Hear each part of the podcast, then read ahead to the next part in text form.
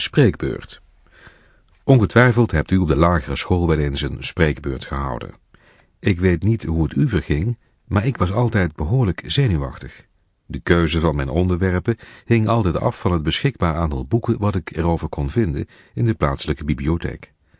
Ik had zelf niet echt een hobby waar ik veel over kon vertellen, dus meestal werden het de gebruikelijke onderwerpen, als het paard en het konijn. Bij kinderen in mijn kennissenkring is het onderwerp blinden zwaar favoriet.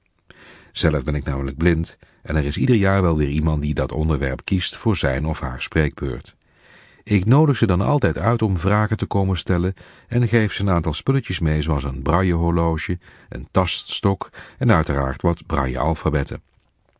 Het is erg belangrijk om de vragen te horen die kinderen dan enigszins verlegen stellen. Is het leuk om blind te zijn? Kijkt u ook televisie?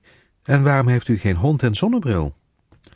Mijn jongste dochter maakte het zich echter nog gemakkelijker. Toen zij laatst aan de beurt was op school om een spreekbeurt te verzorgen, was ze opvallend snel klaar met de voorbereidingen. Ze deed haar spreekbeurt samen met haar nichtje en mijn vrouw had eens gevraagd, hoeven jullie niet te oefenen en zo? Nee, dat was helemaal niet nodig, want ze waren al klaar. Deze ging overigens over, jawel, het konijn. Voor een spreekbeurt hadden ze een 8 min gekregen en de leerkracht en zij zelf waren dik tevreden. S'avonds zag mijn vrouw de spreekbeurt op tafel liggen en begon te lachen toen ze er doorheen las.